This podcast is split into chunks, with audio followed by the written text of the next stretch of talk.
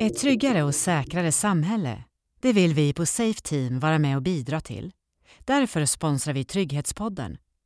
Vi på Safe Team installerar och servar modern säkerhetsteknik. Våra lösningar inom lås, passersystem, larm, kamerabevakning och dörrautomatik skapar trygghet i och kring fastigheter. Tillsammans med våra kunder kan vi minska brott som skadegörelse, inbrott och hot. Eller allra helst, förebygga med smarta säkerhetslösningar så att det aldrig ens sker. Hör av dig till någon av våra kunniga och serviceinriktade säkerhetsexperter om du vill öka tryggheten i ditt företag, din butik eller bostadsrättsförening. Eller besök oss på safeteam.se för att lära känna oss lite mer. Safeteam, din partner i säkerhet. Hej! Anders Königsson här. Vill ert företag eller er organisation nå Sveriges viktigaste målgrupp? Människor med ett genuint intresse för trygghetsfrågor. Det gör ni genom att höras här i podden och synas på Trygghetspoddens hemsida. För att få mer information om den här möjligheten, mejla till info trygghetspodden.se Alltså info trygghetspodden.se Och nu, kära lyssnare och trygghetsambassadörer, är det dags för ett avsnitt som säkert får många av er att börja fundera en hel del. Över hur vårt samhälle ska se ut framöver och hur rättsstaten ska hantera dem som inte vill vara en del av samhällsgemenskapen. Jag träffar nämligen integrationsstrategen och den före detta polisen Dan Gaversjö. Och han berättar saker som i alla fall inte jag kände till tidigare. Till exempel vilken koppling det finns mellan hederskultur i gängen och alla avrättningar och bombdåd som sker. Han pratar också om situationen i gängbrottsligheten i Göteborg och varför det nu ser ut som det gör. Och när man tittar på den gruppen då, va, väldigt många av de här är döda idag. Det är de som har gjort de här skjutningarna. Så vi var ju rätt på väg. Men samhället var inte mottagligt för att ta emot det här. Och det har att göra med alltså, folk som jobbar i socialtjänsten och sådär. De är ju formade i vårt moderna samhälle och hur vi hanterar det. De vet ingenting om det traditionella samhället och hur det fungerar. Så vi sätter ju in insatser som inte fungerar och det kan man ju se. Alltså så mycket som vi har jobbat mot det här och det blir bara värre och värre. Du lyssnar på Sveriges viktigaste podd, Trygghetspodden, med Anders Königsson. Jag heter Dan Gaversjö och jag är en person som har jobbat med integrationsfrågor och med kriminella gäng i stor del av min arbetsföra tid som jag har jobbat. Du kallar dig själv för integrationsstrateg. Vad är det? En integrationsstrateg det är en som förstår hur människor som kommer från andra länder integreras eller inte integreras. Vad det är som är fel, att det inte sker som vi har förväntat oss helt enkelt. Och vad har du för yrkesmässig bakgrund? Ja, I botten är jag polis, som har jobbat som polis i 25 år. Eh, sen har jag varit eh, koncernsäkerhetschef på Förvaltnings AB Framtiden. Sen har jag jobbat med ett antal olika projekt där och eh, jag har också jobbat som sakkunnig på SABO med integrationsfrågor. Och hur länge har du arbetat som integrationsstrateg? I två och ett halvt år nu. Jag har ju hjälpt eh, framförallt myndigheter och eh, företag hur de ska hantera integrationsfrågor på ett bättre sätt. De bakomliggande orsakerna till att det inte fungerar så som vi har förväntat oss. Varför inte integrationen går som man har tänkt. Vad är orsaken helt enkelt? Du har alltså arbetat länge här i Göteborg. Bland annat så har du varit chef för något som kallades för Ung och Trygg som fanns mellan 2004 och 2011. Vad var Ung och Trygg? Ung och Trygg var ett samverkansarbete mellan eh, polisen, åklagarmyndigheten, Göteborgs stad i sin helhet men även Mölndals kommun.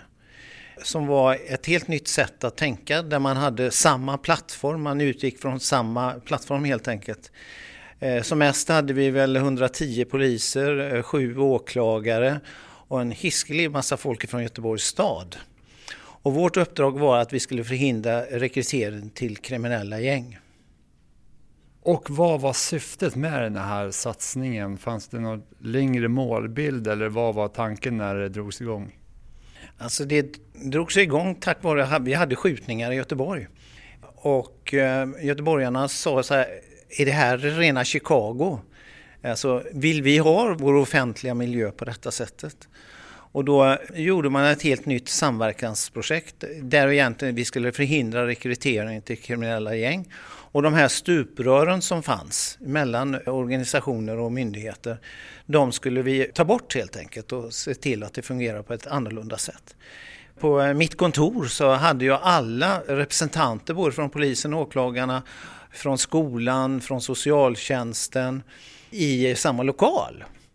Och där vi löste väldigt mycket utav eh, de här problemen som var. Men dessutom så var vi ute i de olika stadsdelarna och hade något som vi kallar för framtidsverkstäder. Det är ett instrument för att man ska gå åt samma håll. Och vi skapar ju 250 handlingsplaner. Vi organiserar under den här tiden 3000 personer. Och det är klart att vi förändrade väldigt mycket. Vi hade forskare som följde vårt eh, projekt hela tiden. Torbjörn Forkby, han skrev väl sex eller sju böcker om det här. Och framförallt eh, där vi poängterade vad är det som gör att man hamnar i kriminella gäng. Och hur, hur tar du bort det? Hur, hur skapar du framtidstro? Hur skapar du bättre Göteborg helt enkelt? Och hur var problematiken med ungdomsbrottslighet vid den här tiden när ni drog igång det här? Ja, den var ju ganska stor skulle jag vilja säga. Vi såg ju också ganska tydligt att eh, snabbt så de som var början på sin eh, brottsliga karriär de lyckas vi bryta så att vår statistik i Göteborg över alltså förstagångsförbrytarna gick ju ner radikalt. Men vi såg också att de som höll på, alltså som hade kommit en bit på väg, de nådde vi inte på det traditionella sättet med socialtjänsten och eh, polisen och det, utan det förstärktes egentligen bara. Och därför såg vi att eh, behandlingsformen behövde förändras helt enkelt. Och eh, det var en stor utmaning som fortfarande inte är löst. Vilken behandlingsform syftar du på då? Ja, alltså när någon begår en kriminell handling så väntar man oftast till att det anmäls till socialtjänsten. Socialtjänsten kallar till ett möte och där kommer det inte fram till egentligen någonting utan samtal. På grund av besparingsskäl så kunde man sträcka sig till LVU i hemmet och det, det gav ju ingenting helt enkelt. Och eh, man väntade egentligen till att det blir ett LSU, ungdomsfängelse. Och det de inte kunde innan, det lärde de sig där. Och så kom de tillbaka och så var de ännu mer förhärdade helt enkelt. Och vad var er ambition att göra istället? I och med att eh, hela gängkriminaliteten bygger egentligen på att du, du har ett kollektivt tänkande i gruppen så måste du isolera ungdomen ifrån gruppen. Alltså du kan inte återvända till samma stadsdel eller bostadsområde för då kliver du in i din gamla roll. Och du kan inte heller gå ifrån den för trycket är så pass hårt. Och gör du det så förlorar du din heder och eh, det är skamligt helt enkelt. Och eh, man blir utesluten i gruppen och det vill man inte. Det är för högt pris. I de två senaste avsnitten av Trygghetspodden med integrationsföreläsaren och för detta polisen Mustafa Panshiri liksom med Tryggare Sveriges generalsekreterare Magnus Lindgren så pratar vi en del om kulturella skillnader och vilken koppling det har till brottsligheten. Var det här med kulturella skillnader något ni uppmärksammade i arbetet i Ung och Trygg? Ja, det skulle jag vilja säga. Alltså, man måste gå tillbaka lite grann för att se.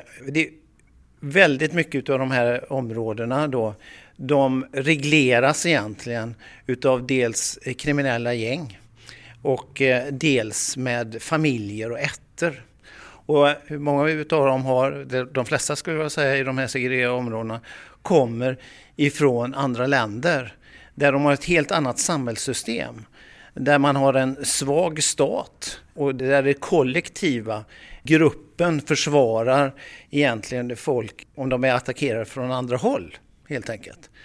Däremot här i Sverige så har vi ett helt annat samhällssystem där du är fritänkande, du får säga vad du vill, utbildning är viktig och du har en stark stat som försvarar det, att man får tänka olika. Här har vi jämlikhet, det finns inte på det sättet.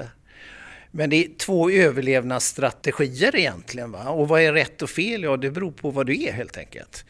Så det måste man förstå. Och då det här kollektivistiska systemet, alltså eh, det traditionella systemet, där kan man ju se att eh, där är ju gruppen och det, man får försvara liksom sin heder. Och det är ett mansideal egentligen, för då kommer vi in på hedersnormsystemet.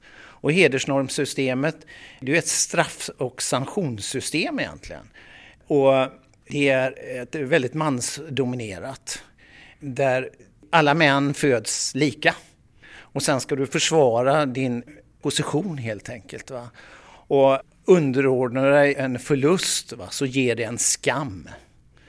Och du måste hela tiden försvara din heder genom att hela tiden får segrar.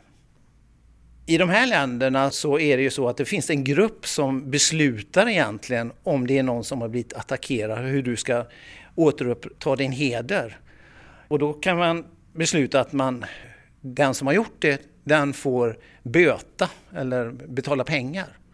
Och är det tillräckligt illa så är det blodshämnd som gäller.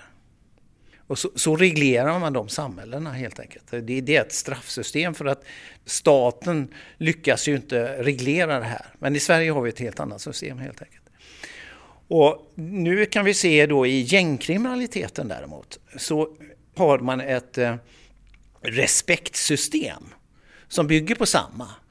Bara med den skillnaden att det, då är det en individ, den ledare från den gruppen, som bestämmer vilket straff eller vilka böter det ska bli.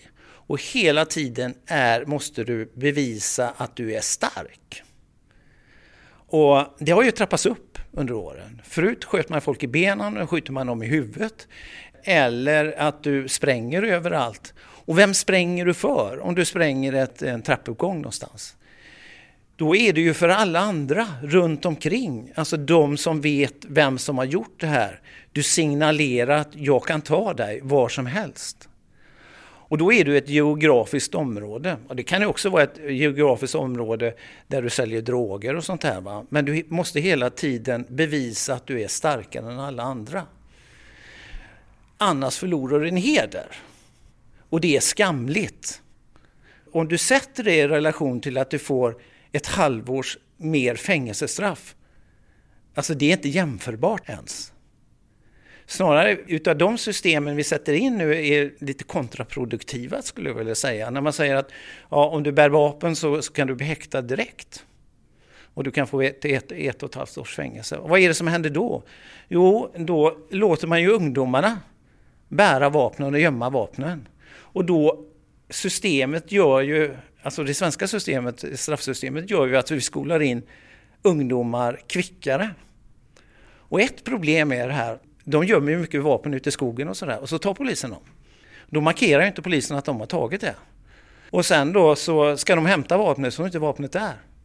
Och då säger de till ungarna att nu får du liksom eh, hämta vapnet annars så vet du inte vad som händer med din eh, syster. Och då tror de här andra ungdomarna att det är någon annan jämnårig kompis som har tagit det. Och då bland annat så ett mord eh, skedde i Malmö. Alltså en 13-årig pojke gick in och sköt någon annan. Så att man måste förstå hur det här straffsystemet är. Och straffsystemet är också att man kallar det hederstystnad. Alltså det är omanligt och eh, skamligt att prata med polisen eller någon. För att då förlorar du din heder. Det är därför ingen pratar med polisen. Och det andra är ju egentligen eh, syndromet att man skapar till rädsla om någon pratar med polisen. Så när de här ungdomarna har varit inne hos polisen och de har inte fått ut något, för de är ju tvärtysta, det är ju det som händer. Men det stora förhöret kommer i gänget sen. Och där kan det vara verkligen tufft, alltså där kan de få rejält med stryk. Om de tror att de har pratat, för att då det är skamligt. Och då förlorar gruppen sin heder. Och det är det som ligger bakom, det är det som vi ser hela tiden. Så att Och var det här någonting som ni såg i Göteborg redan vid den här tiden då, mellan 2004 och 2011, att det här hade växt fram? Absolut. Vi såg det här så tydligt och därför så jag la fram ett förslag för att ska vi komma åt det här så får vi ha en annan metodik hur vi hanterar de här individerna. Och man såg att de var väldigt starka i sitt bostadsområde. Där var de kungar. Det var ju de som hade makten. Det var de som såg till att inte polisen kunde köra in med en bil och väktarna inte vågade köra det och brandkåren behövde poliseskort. Där inte skänker vågade köra in med varor och sådär, för att de bestämde. Så deras plats är ju geografiskt i sitt bostadsområde. Och då ska man ju veta att det är ju en liten procent utav alla som bor där som de här styr över. Och de andra som bor i det här området, de är ju stentuffa. Ut med dem! Kasta iväg dem och släng nyckeln, ungefär så. Och det är ju också lite signifikativt att väldigt många röstar på Sverigedemokraterna med utländsk bakgrund. För de tycker vi daltar med de här va, på det här sättet. Och det smittar ju av sig på dem, oförtjänt som de tycker. Vi vill inte benämnas med de här personerna. Så att vi gjorde några tester faktiskt. Vi flyttade ut några som hade pris på sitt huvud helt enkelt. Att de hade kallat på ett eller annat sätt. Så de skulle bort. Och då flyttade vi ut dem ute på landsbygden, långt ut i skogen. Och där så, alltså det var ingen som förstod deras språk, deras, deras hot och sådär. De tog inte på allvar helt enkelt. De, fattade, de förstod inte det helt enkelt. Och då fick de börja arbeta och förtjäna sitt uppehälle och sådär. Och det, det tog ungefär ett och ett halvt år innan de var avkriminaliserade. Det här var ett gäng vet du, som, som har svårt att läsa till och med, va? men de kan ha 40 000 i bakfickan. Men de kommer aldrig komma in i samhället. Men vi lyckades faktiskt att vända på en del. Så att själva nyckeln var att de inte kom tillbaka till det kollektivistiska samhället där de sattes under tryck, utan de var någon helt annanstans. Och det kan man ju se alltså, när de åker in på fängelse, så, när de kommer tillbaka. Tittar man på det, det är då krigen börjar, skjutningarna. För då är det någon annan som har tagit över marknaden och så kommer de tillbaka helt enkelt. Vi ska återkomma till det lite längre fram, men om jag kommer tillbaka till det här då med att ni såg redan då som sagt att det var kulturella skillnader som du berättade, ni arbetade med Ung och Trygg. Hur var responsen från de instanser som var med i det här projektet, till exempel Göteborgs stad, när ni tog upp det här med kulturella skillnader? Alltså jag hade ju kontakt med kommunalråden på den tiden och eh, jag berättade ju det här, att vi måste göra på ett annat sätt. Men då ska man veta under den här tiden så hade, precis som nu, hade kommunen ont om pengar. Och en sån här insats som jag pratar om, det kanske går på en 3-4 tusen om dagen egentligen för att hantera under en längre tid. De pengarna fanns inte. Så därför ville man ju inte höra på det här. För att man såg inte hur man skulle hantera det. Och man kan ju säga då, alltså hela tiden försöker man, kommunen försöker ju skyffla över det på staten, till, det blir Statens institutionsstyrelse som tar hand om det. De har ett vårdprogram som inte är tidsenligt för den här typen av individer som är uppväxta i det, ja, så som jag har berättat då. Va? För det har ingen effekt där. Så därför så planar det ut helt enkelt. Och jag pratar ju på den här tiden att ja, det här är säkert en kostnad på 50 miljoner under en eh, treårsperiod. Det var så jag räknade på det. Vi såg ju då att ungefär 100 personer ungefär, det är de som vi är rädda för ska hamna i kriminella gäng. Vi gjorde så att vi lämnade över det till socialtjänsten. Så här, de här, på grund av släktskap, hur de är, de här kommer att bli kriminella element som kommer att få mycket problem i Göteborg. Socialtjänsten då va, uppfattade det här som otroligt provocerande så vi vart ju JO-anmälda för det här. JO tog ett och ett halvt år på sig och sen sa de så här, lysande, det är precis så här man ska göra. Men då har det ju gått ett och ett halvt år. Och när man tittar på den gruppen då, va, väldigt många av de här är döda idag. Det är de som har gjort de här skjutningarna. Så vi var ju rätt på väg. Men samhället var inte mottagligt för att ta emot det här. Och det har att göra med alltså, folk som jobbar i socialtjänsten och sådär. De är ju formade i vårt moderna samhälle och hur vi hanterar det. De vet ingenting om det traditionella samhället och hur det fungerar. Så vi sätter ju in insatser som inte fungerar och det kan man ju se. Alltså så mycket som vi har jobbat mot det här och det blir bara värre och värre. Det var som polismästare Lars Klevensberg sa till när justitieministern var över. Vi behöver inga mer poliser. Vi behöver fler lärare i skolan.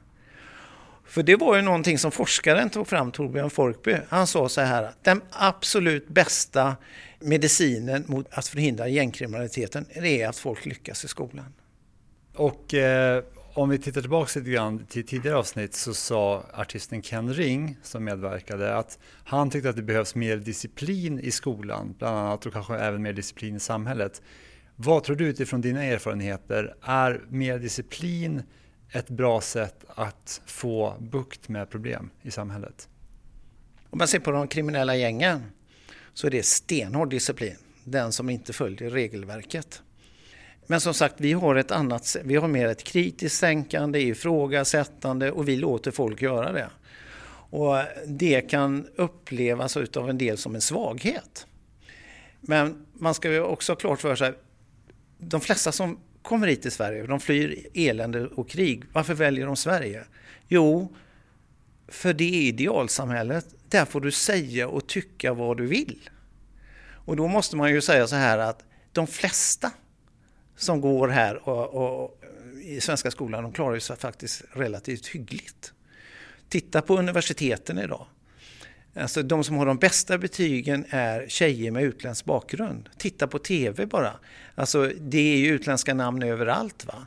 Så att jag skulle vilja säga så här vi behöver alla händer som finns för att klara välfärden i, i, framöver på grund av demografin i landet. Men det, vi hanterar den här gruppen på fel sätt. Ordning och reda, jajamensan. Eh, när man hör eh, föräldrarna till, till de här och de är på föräldrasamtal så säger föräldrarna, jaha, varför lappar du inte till honom då? Alltså det är ju det, alltså, det är deras sätt. Men vi sa, vi, gör, vi har ju inte aga här.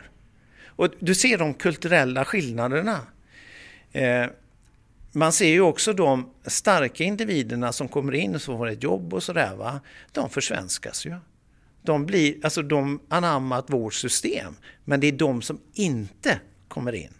Det är där de här hedersnormsystemet, de-respect och allt det där som jag har pratat om. Det är där det föder. Det är hanterbart om vi gör på rätt sätt. Men just nu gör vi så mycket fel man kan göra och det ser du ju i de här ständiga skjutningarna. Vi ska återkomma lite grann till det som sagt. Eh, men jag tänkte kolla först, Ung och Trygg lades sen ner. Kort, varför lades det ner? Ung och Trygg var ett samverkansprojekt då, som finansieras av eh, ett eh, kommunalt bostadsbolag. De som ingick det, i det här hade vi alla samma ska jag säga, status. Och det, det gjorde ju att vi kunde förhålla oss till varandra helt enkelt. Och alla fick ta sina pengar från sin egen budget och bidra med detta. Sen la man det under en nämnd, socialnämnden. Och då kommer det inte gå. För polisen kan aldrig underordna sig socialnämnden eller åklagarna eller en annan kommun. Va? Och då sa jag att det kommer inte funka. Jag kliver av, sa jag. Och det gjorde jag. Och det lades ju ner ett år efter. För det fungerar inte. Vad anser du att det här med att ni presenterar det här med kulturella skillnader och det här typen av tänk med olika kulturer och så för ansvariga, men vad jag förstår så fick ni inte någon jätterespons på det när ni presenterade det. Vad tror du att det har lett till utifrån hur situationen ser ut i Göteborg idag? Ja, du ser ju ett, hur många skjutningar det har varit. Utanförskapet har vuxit. Segregationen har vuxit. Det har också lett till delvis tror jag i alla fall att många som har stark ekonomi flyttar från Göteborg till kranskommunerna för att de upplever otryggheten. Jag kan se samma sak både i Stockholm och Malmö på grund utav att man vill ju att man ska kunna gå på gator och torg utan att, bli, att man blir skjuten eller, eller sprängd eller rånad. Framförallt ungdomsråden som ökar något lavinartat. Och, och då har man möjlighet så gör man det. Och det är tack vare att man inte hanterat det här på rätt sätt. Och det, är en, eh, det blir en kostnad Men jag brukar säga så här att det är den bästa investeringen man någonsin kan göra för en stats utveckling. Så om du jämför ungdomsbrottsligheten då i Göteborg idag med hur den var under tiden ni jobbade med Ung och Trygg, vad skulle du säga då?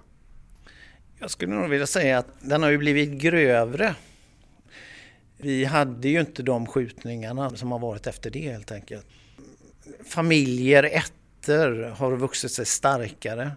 Det är inte tu tal om annat. Trots att man har försökt att, alltså man jobbar ju så som man alltid har jobbat. Enligt den svenska normen och man har inte alltså lyft in det här traditionella samhället att vara och hur det här hedersnormsystemet har fungerat. Vi pratar oftast om hedersnormsystemet mot eh, hedersvåld mot kvinnor. Men något som man inte poängterar är ju hedersrelaterat våld mot män. Hur männen förnedras om man inte uppfyller de här kraven som är i gruppen. Man kan se också då att, alltså en typisk den här kvinnan som sköts i Malmö. Och det tycker vi är fruktansvärt barbariskt att man bara gör så och det är det ju helt enkelt. Va? Men för den som sköt, alltså den här killen som sprang, han, han klarade ju sig. Men då tog de ju hans flickvän. Och att inte kunna försvara sin flickvän eller kvinnorna det är det yttersta sättet man kan förnedra en grupp. Så för hans grupp så var det en oerhörd seger. Och det, det här är ju liksom, alltså i det samhälle som de kommer ifrån så är det inte konstigt. Men här, i det här samhället, är det oerhört konstigt. Och man måste förstå det här. Det är det som är det viktiga. Och för att bryta det här, alltså så som det ser ut här, då, då, då kan man ju fundera, hur gör vi då? Alltså det är en relevant fråga. Jag, jag skulle vilja säga en av de viktigaste frågorna, det är ju egentligen stadsplanering. Att man inte samlar alla människor på en och samma plats. Det är ju en jätteviktig sak. Va? Och då kan man ju tänka sig, har vi några exempel på att, hur det har fungerat? Och då kan vi titta på vår egen historia egentligen. På, vi hade ju otroligt eh, bostadsbrist i början på 1900-talet men 1920 och 30 och 40-talet så hade vi egna hemsrörelsen. Och tittar man på de husen idag va, så är det de som är socialt starkast, har en ekonomisk hållbarhet som ingen annan har. Va. Under miljonprogramsområden så byggde man det här miljonprogrammet men du byggde oerhört mycket radhus och egna hem och de har inte haft den utvecklingen. Va. Och det är ju på grund av att man har också ett eget ägande, man sköter om det. Och det kan man ju se, i Malmö så gjorde man så att på ett eh, bostadsområde att eh, man hade självförvaltning. Hyresgästerna själva fick ta hand om uteområdet då. Va? Och man lyckades eh, engagera ungefär 10 procent.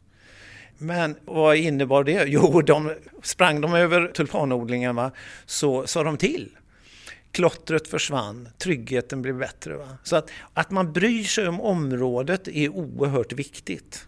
Och att inte de här parallella strukturerna får komma så, så finns det en väg ut ur det här. Men det behövs ju en helt annan beslutsamhet. Det behövs ett helt annat tänk. Annars kommer det bli som det alltid har blivit. Ja, det här kunde vi också höra Magnus Lindgren från Tryggare Sverige prata om i det förra avsnittet. Och den som vill höra mer om det här med hur man bygger bostäder och områden för att skapa ett tryggare samhälle kan lyssna på det avsnittet. Vi ska gå tillbaka lite grann till det här du pratade om tidigare. Just det här med skjutningar och bombdåd är ju någonting som har skett i Malmö också. Och du berättade innan den här inspelningen att mycket av det här beror på en långvarig konflikt som är kopplad till etnicitet. På vilket sätt är den det? Det är egentligen en fejd mellan två traditionella grupper där heden har eh, brutits och man har förnedrat den andra gruppen. Och då tar man tillbaka det. Och det går ju, böljar ju fram och tillbaka hela tiden. Så det är egentligen två grupperingar eller två familjer egentligen som är i luven på varandra hela tiden. Och den, eh, det kommer aldrig sluta. Så länge de bor på det sättet. Det kommer att fortsätta. Och det där finns ju många, inte bara i Malmö utan det finns även i Göteborg skulle jag vilja säga. Då. Och därför så gäller det att man... Eh, jag måste fråga, vilka grupper har de här olika två grupperingarna då? Finns det någon geografisk konflikt eller finns det någon konflikt på det sättet? Ja, i Malmö är det albaner och så libaneser. Och det finns ju en, en, eh, konflikt däremellan. Men egentligen skulle jag vilja säga att man kan se i de här grupperna att det är egentligen inte etniciteten som är det behöver inte vara det överhuvudtaget utan det kan vara alltså, områdets grupperingar. Man, man, kan se väldigt många olika nationaliteter i de här kriminella gängen men det som de har tillsammans det är ju att försvara den här heden. Och de här kriminella gängen så är det att försvara sina marknadsandelar av drogförsäljning och sådär. Så det är det som binder dem samman. Så det är mer en geografisk tillhörighet här i Sverige än en härkomstidentitet eller så från sina ursprungliga länder? Ja, det skulle jag vilja säga. Utan eh, man har ju formats här på ett helt annat sätt och man kan ju också se att det är andra generationens invandrare som egentligen är uppvuxna här som har kommit in i det här och då är det gruppen, skolan i det här området som man har träffats med. Va? Och det är ju det som är det svåra när man jobbar mot den här gruppen att eh, man har sådana band från sin eh, uppväxt egentligen. Alltså att det, och är skolad i det här sättet att tänka då. Och man ser ingen annan väg ut ur det heller egentligen. Och därför så hela tiden måste man bevisa sin styrka och då, då blir det så här att man...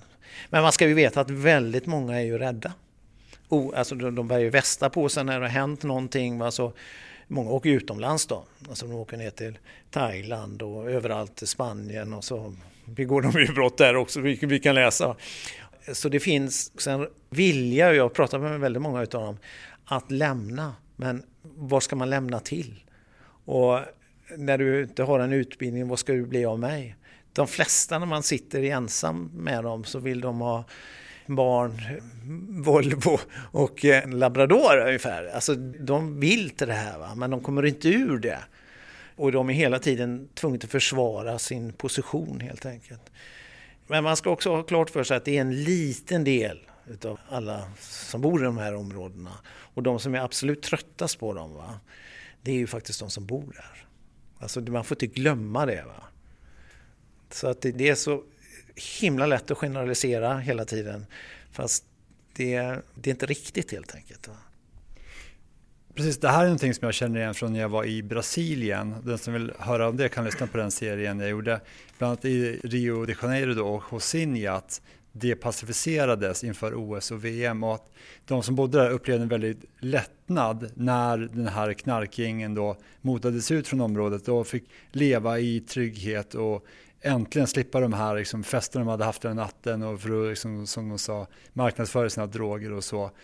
Hur tror du att det skulle vara att göra något liknande i de områdena i Sverige som har de största problemen? Att man rent går in med det statliga våldsmonopolet och tar över ett område i till exempel Göteborg eller i en annan stad i Sverige. Ja, nu ska man ha ett rättssystem som klarar det. Och det har vi inte riktigt. Vi kan inte liksom ta folk på lösa grunder. Så. Däremot ett, ett ganska intressant eh, observandum här är att i Biskopsgården så hade vi ett ungdomsgäng som rånade. Och till slut så lokaliserade man 15 stycken individer och de åkte in på eh, ungdomsfängelse allihopa. Då kunde man se, eh, för vi mätte ju liksom tryggheten, att tryggheten blir mycket bättre i bostadsområdena. Folk kom ut, och började prata med varandra och de var inte rädda. Och det upplevdes mycket bättre att bo där. När de kom tillbaka så föll det ut igen. Och det här är ett sånt... Eh, alltså vi måste hantera den frågan på ett helt annat sätt. Det är att har du begått ett brott så är du inte välkommen tillbaka till ditt gamla bostadsområde. Och det måste vara så pass hårt så det gäller även familjen. För att i den sociala gruppen så då kommer det få effekt, det kommer att bli lugnare. Den här konflikten i Malmö då, bottnar den också i heder och skam? Eller vad finns det för ursprung till den? Vet man det? Ja, det är heder och skam. Det är samma problematik. Man eh, mäter sig gentemot varandra och eh, har man blivit förnedrad på ett eller annat sätt. Och man kan ju se också här, framförallt på de gängkriminella alltså i det systemet då, alltså, räcker det att man inte stöter på en annans tjej eller något sånt där, va? då förnedrar du honom inför alla. Och då måste man utkräva en hämnd på ett eller annat sätt. Då, va? Så det, det, blir mindre och mindre tolerant här. Va? Och det beror ju på att det inte finns ingen social reglering här utan det är de här individerna som bestämmer hur det ska vara. Hur vanligt är det att de många konflikterna i städerna runt om i landet är kopplade till heder liksom skam kontra till drogförsäljning och pengar som ju ofta också är en viktig anledning till att de här konflikterna drar igång. Alltså de hänger ihop. Drogförsäljning, det är ju en, en lukrativ marknad. När amerikanerna sköt ner eh, plan ifrån, eh, som kom från Sydamerika upp till Nordamerika, då blev det för stor risk. Då satte man produktionen mot Europa och då kunde man se hur kokainpriset gick ner i Göteborg. Och själva de bakomliggande orsakerna är det ju att man ska få eh, ungdomar att använda droger. Det är därför drogpriserna går ner för att så fler ska använda det. Och det finns ingen polis i hela världen som lyckas att stoppa det här. Alltså möjligtvis Sudan och Nordkorea, de här totalitära staterna, men ingen öppen demokrati har ju lyckats. Och det bästa sättet och det enda sättet är ju egentligen att få ungdomar att säga nej tack. Och under 80-talet hade man den här antidrogkampanjen och då kunde man se och också mobben med Björn Fries då, som satt i varenda tv-soffa och pratade om droger. Då gick ju drog, eh, drogförsäljningen gick ju ner. Alltså de som höll på, de höll på men det kom inga nya för det var liksom inte inne. Och sen blir det en liberaliseringsvåg och nu har vi det som vi har det. Och det är på grund utav att vi inte höll ut med det här som man höll på med. Och eh, jag tror att Björn hade en eh, budget på 300 miljoner som han använde sig av, men det var mycket väl investerade pengar. Oerhört investerade eh, bra pengar, för det här kostar något enormt för samhället. Så det är en, också en viktig faktor att få folk att säga nej tack, för då försvinner den här marknaden. Om vi återgår till det här med heder och skam kontra drogförsäljning och pengar. Du sa att de här sakerna hänger ihop. Hur hänger de ihop? Ja, alltså är det så att någon annan tar över din eh, territoriella område och säljer knark på, ja då har du ju förnedrat den här som har området. Det blir en slags underkastelse för att någon annan har kommit in och, det, och du förlorar en heder och då får du skam. Och då måste du återta det. Och så det, det är därför man skjuter på varandra helt enkelt. I en debattartikel i Svenska Dagbladet från juli 2018 skriver du att ett sätt att få slut på dödsskjutningarna är att vräka den som begår brottslighet med gängkriminell koppling. Varför skulle det vara en bra idé? Du var inne lite grann på det här tidigare men jag tänkte ändå ta upp det här. Ja, som, som jag sagt tidigare, man är ju stark i sitt område. Och där är du någon person. Bor du inte i området, då är du ingen helt enkelt.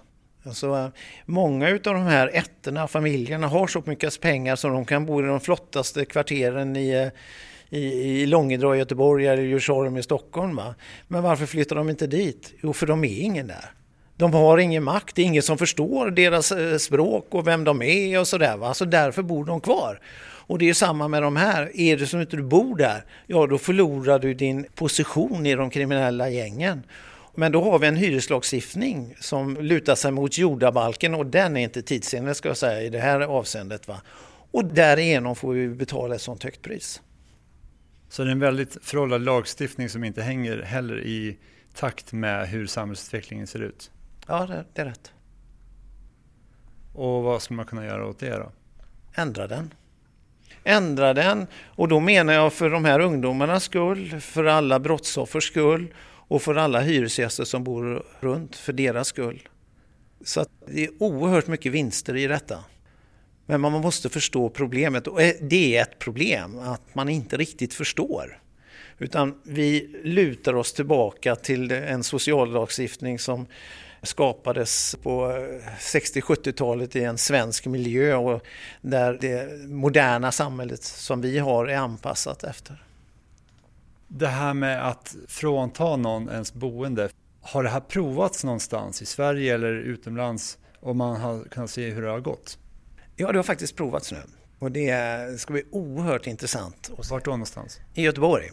Och det är en släkt då, en ett då, som, som ställer till det, som har stått mycket om i tidningarna. Och eh, den är givetvis överklagad.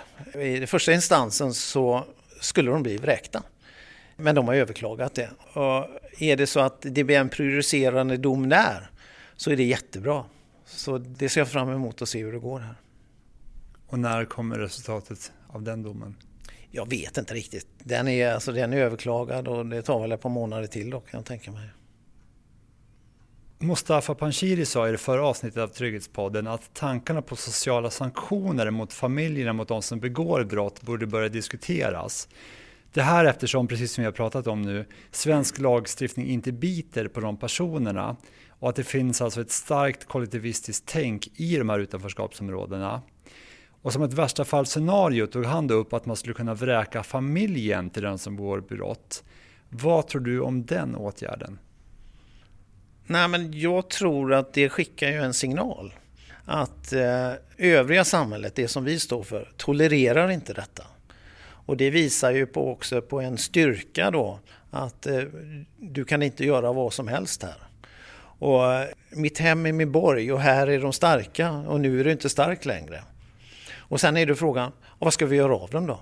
Det är ju nästa fråga. Vem tar hand om de här? Vem vill ha dem överhuvudtaget? Och det är ju en, en ganska svår fråga för ingen vill ha dem.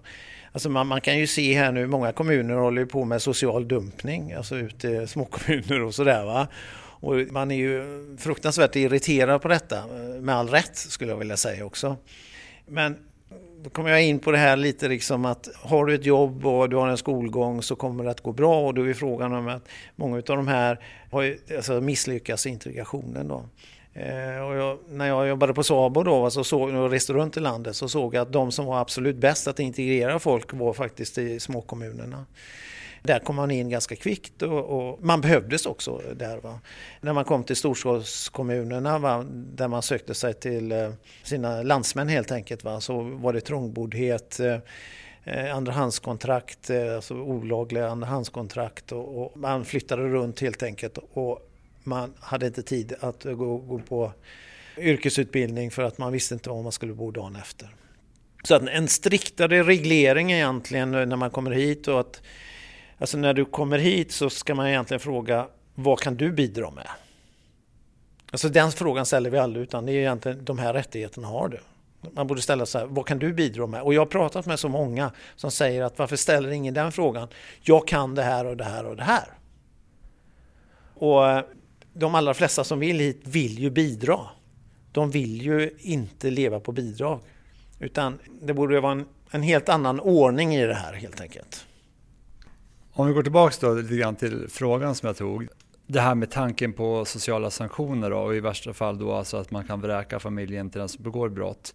Det här går ju tvärs emot hur lagstiftningen i Sverige ser ut. Att man dömer andra än den som har gjort någonting, alltså ett kollektivistiskt domslut. Så hur skulle man i så fall kunna få igenom det här förslaget och vilka möjligheter skulle man ha till det rent politiskt, tror du? Ja, det kommer ju bli ett himla liv. Det är inte tu tal om annat. Utan jag tror så här att eh, är någon som har dömts för ett eller annat sätt så måste de ha en alternativ väg ut ur det här. Och den alternativa vägen är att du ska gå en utbildning, att du ska hålla dig ifrån den brottsliga banan på en helt annan ort. Alltså en 20 mil därifrån, helt enkelt. Det är ju samma som eh, hur skulle man lösa det? Alltså man sätter på dem fotboja så att de inte får lämna den platsen där de är? Eller vad gör man ja. rent konkret? Ja, så skulle man kunna göra. om du startar en utbildning någon, alltså någon annanstans. Va? Och eh, förklara för dem att är det så att du bryter mot det här va? så är du villkorligt frigiven och åker in direkt. Alltså det finns ju möjlighet att förändra detta på ett annat sätt men du måste ge också den, den som har gjort det här möjligheten till att förändra ditt liv. Och är det så att man tar det här beslutet, och det strider mot vår lagstiftning, inte ett uttal om annat. Va? Men man, jag tror man får börja väga det här. Vad är det värt för alla andra runt omkring? Men då uppstår också problematiken att samma problematik finns i väldigt många av landets städer nu. Så var skulle man i så fall placera de här personerna för att inte riskera att de då möter nya likasinnade som är i brottslighet så att de trillar dit igen fast på den nya platsen? Ja, det är inte alls säkert att det ska vara i städer. Eh, det är inte alls säkert. De, alltså, det här med skjutningar så, det börjar även komma till mindre orter och brottsligheten börjar även finnas där. Ja, men alla behöver inte bo i städer. Alltså det kan vara ett, alltså ett straff. Det är också då att du ska återanpassas. Vi säger att det är vård. Alltså, vi har ju det begreppet. Och det kan man ju undra vad det är för något. För att de blir ju inte bättre. De blir, de blir inte vårdade. Utan de lär ju sig någonting annat egentligen. Va? Men sen måste ju samhället ha ett system som visar att har du gjort något fel så ska du inte belönas. Men eh, jag tycker att, ja visst, straffet ska du få. Men sen har vi ju den här eh, straffrabatten och den tyckte jag man skulle användas av på ett annat sätt. Att eh, nu får straffrabatten övergår till en utbildningsfas som du ska utbilda dig där och där och där och där. Och eh, efter du har gjort den utbildningen, då får du inte åka tillbaka till det bostadsområdet på en eh, fem år eller något sånt där, säger så.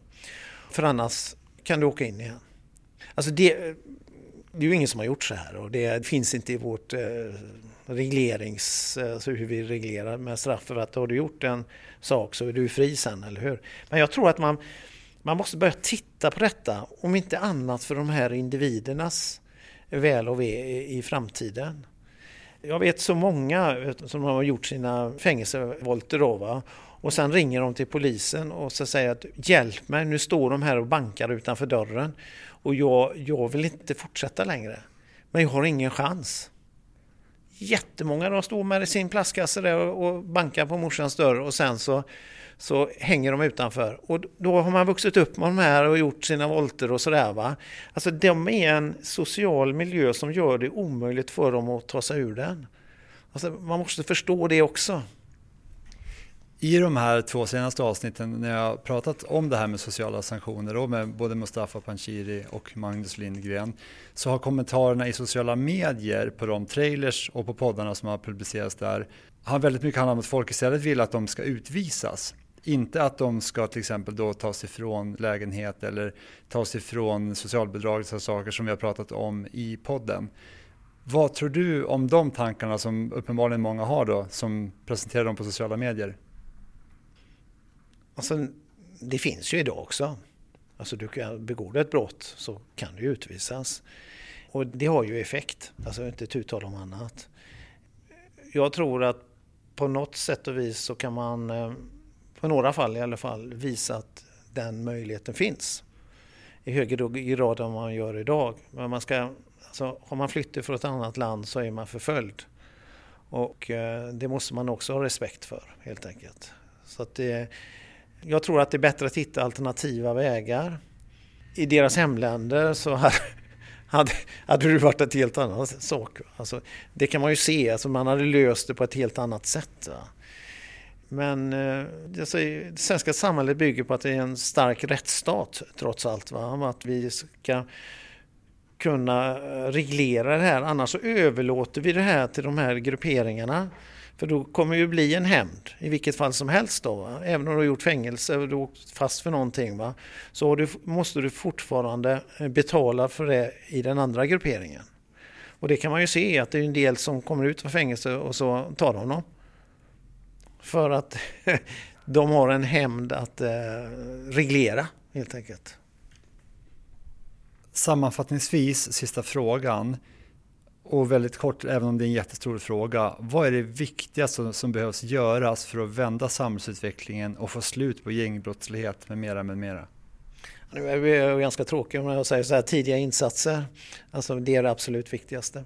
Sen är det mer korta, korta perspektivet är att du ska inte få bo kvar i din hyresrätt om du begått ett, ett brott en alternativ eh, rehabilitering helt enkelt. Va? Eh, du ska inte direkt komma ut ifrån ett fängelse utan du ska gå en annan väg. Och eh, givetvis en helt annan narkotikapolitik. Och vilken narkotikapolitik skulle man då ha i så fall? Ja, att upplysa ungdomar att det inte är eh, häftigt att hålla på med droger. Jag satt i styrelsen för Droger mot rasism, Sportfront. Och där hade vi bland de bästa giftexperterna i landet, eh, doktorer och vi hade föreläsare. Och de var ute mycket och föreläste. Och då kunde man se alla de frågorna som både föräldrar och, elever hade. Det visade på en, en törst över att fråga mer och hur påverkar det mig? Så väldigt många utav ungdomarna använder ju inte, alltså håller inte på och dricker och de håller inte på med droger. En viss del gör det. Men hade vi haft ett annat förhållningssätt och mer systematiskt under längre tid så går det att få ner drogerna. Jag tror inte på längre straff och sånt där för det, det är meningslöst. Du har hört ett avsnitt av Trygghetspodden Fler avsnitt finns på trygghetspodden.se